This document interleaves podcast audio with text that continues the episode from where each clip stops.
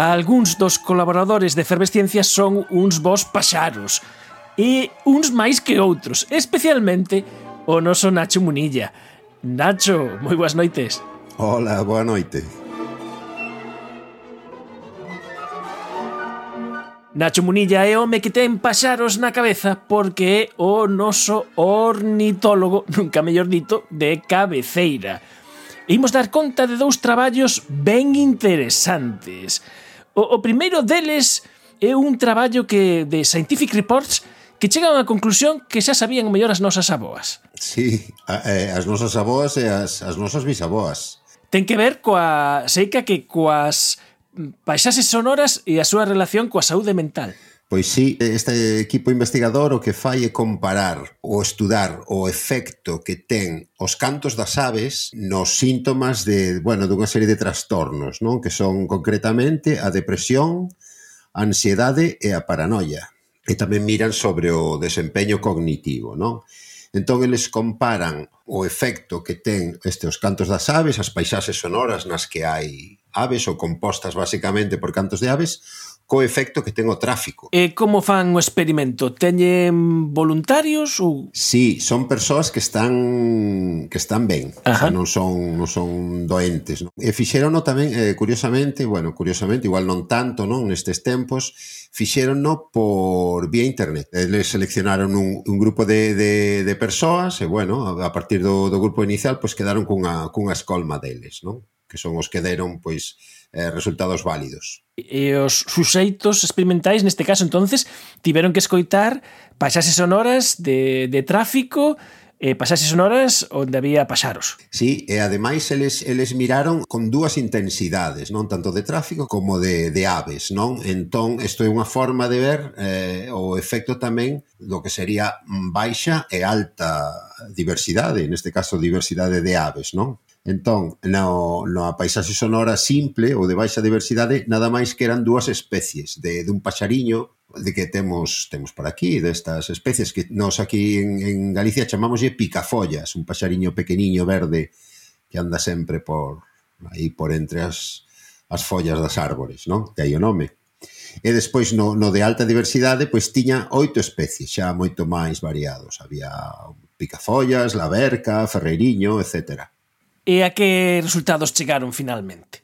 Pois obtiveron os resultados que obtiveron son, son ben curiosos, non? Eles, por exemplo, en depresión viron que eh, pois o tráfico tiña efecto na, de, na, na depresión, non? A xente eh, despois de escoitar esa, esa paisaxe eh, artificial de tráfico, tanto de baixa como de alta diversidade de tráfico, sería con máis coches ou máis vehículos, pois eh, eso tuvo un efecto en que eh, agravaba os síntomas de depresión. Pero eh, no, na, nos cantos de aves conseguían, tiñan un efecto en, en rebaixar, en aliviar eses síntomas de depresión, nada máis nun, nun, cunha paisaxe de alta, alta diversidade de aves.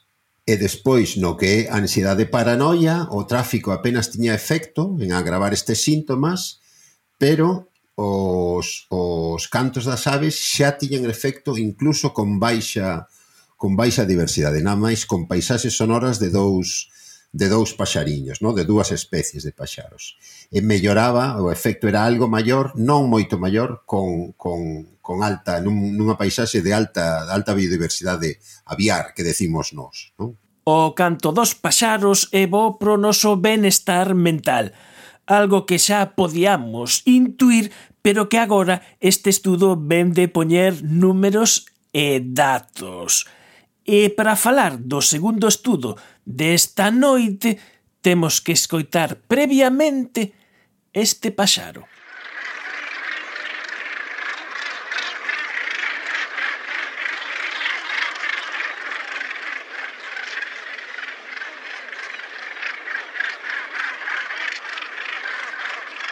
Eh, pero estes, estes non sei se son moi relaxantes, Nacho. A ver, eu o que, o que estou a escoitar eh, eu, bueno, é unha, unha a paisaxe sonora, estamos a falar, a falar de paisaxes sonoras dunha colonia de mascatos. Eu podo che decir que unha colonia de mascatos eh, é un lugar bastante estresante para un mascato e para un... Nunca teño estado en unha colonia de mascatos, pero teño estado eh, bastante, bastante decote en colonias de, de aves mariñas e son lugares estresantes. Realmente eu o nunca medín o nivel de ansiedade co que entro na colonia e o nivel de ansiedade co que saio, pero eu penso que hai de aumentar, hai de aumentar. Poñemos este mascato porque as aves mariñas son precisamente uh, as protagonistas desta historia que imos contar. Pois sí, eh, é unha, bueno, o que imos contar eh, é que hai unha, unha cepa de, de gripe aviar superinfecciosa, a cepa H5N1, que está, está afectando especialmente as, as aves mariñas. E unha das especies máis máis afectada pois ten sido este ano, está sendo este ano o mascato, precisamente.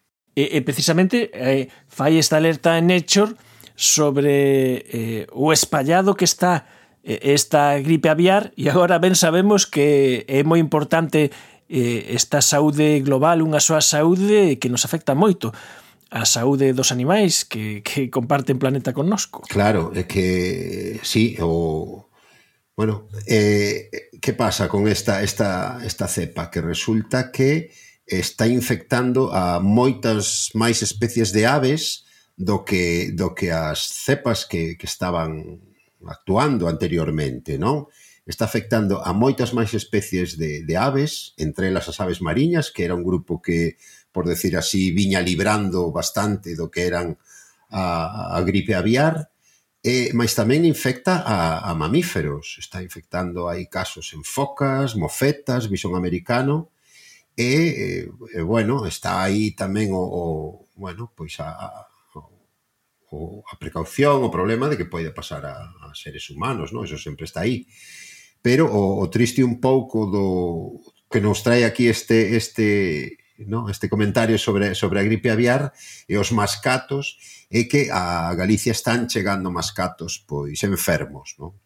Están chegando mascatos enfermos porque esta é unha ave migratoria, os mascatos que criaron a, pois abandonaron as colonias a final do verán, principios de outono, e están no seu viaxe cara, cara ao sur, aínda estará pasando algún, e o que vimos durante ese, ese paso migratorio cara ao sur era que algúns dos mascatos que, que, que pasaban pois estaban prácticamente cegos por culpa de, desta gripe.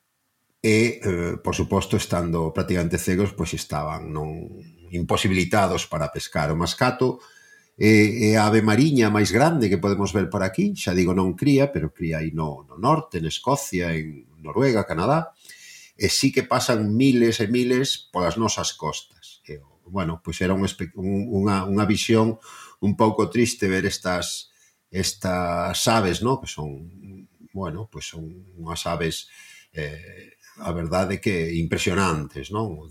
Unha prestancia teñen e, e velos así tan tan indefensos e tan desvalidos, non? A varias millas da costa, non? Porque eles pasan pois andan andan polo mar aberto, non?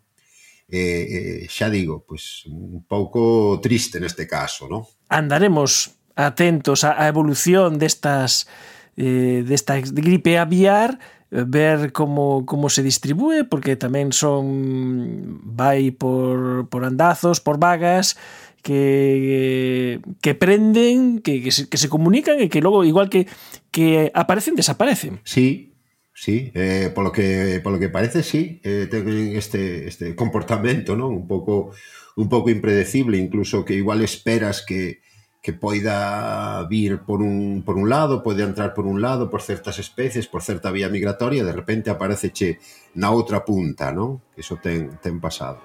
Pois este foi o noso tempo para falar do mundo pasareiro con Nacho Munilla e agora xa temos un motivo máis para, para sair, para vivir, para ver, para escoitar o son dos, dos paxaros que van facer científicamente comprobado que a non ser que nos metamos nunha colonia de mascatos, vivamos moito máis relaxados. Nacho, moitísimas grazas por estar connosco esta noite. Claro que sí. A recomendación é que si estás, si te sientes un pouco baixo, si te sientes un pouco baixo, eh, achégate a un lugar cun, onde canten os paxariños onde canten os paxariños. Eh, si cantan, se hai bastantes paxariños a cantar, pois esa é unha terapia fantástica e, e completamente gratis.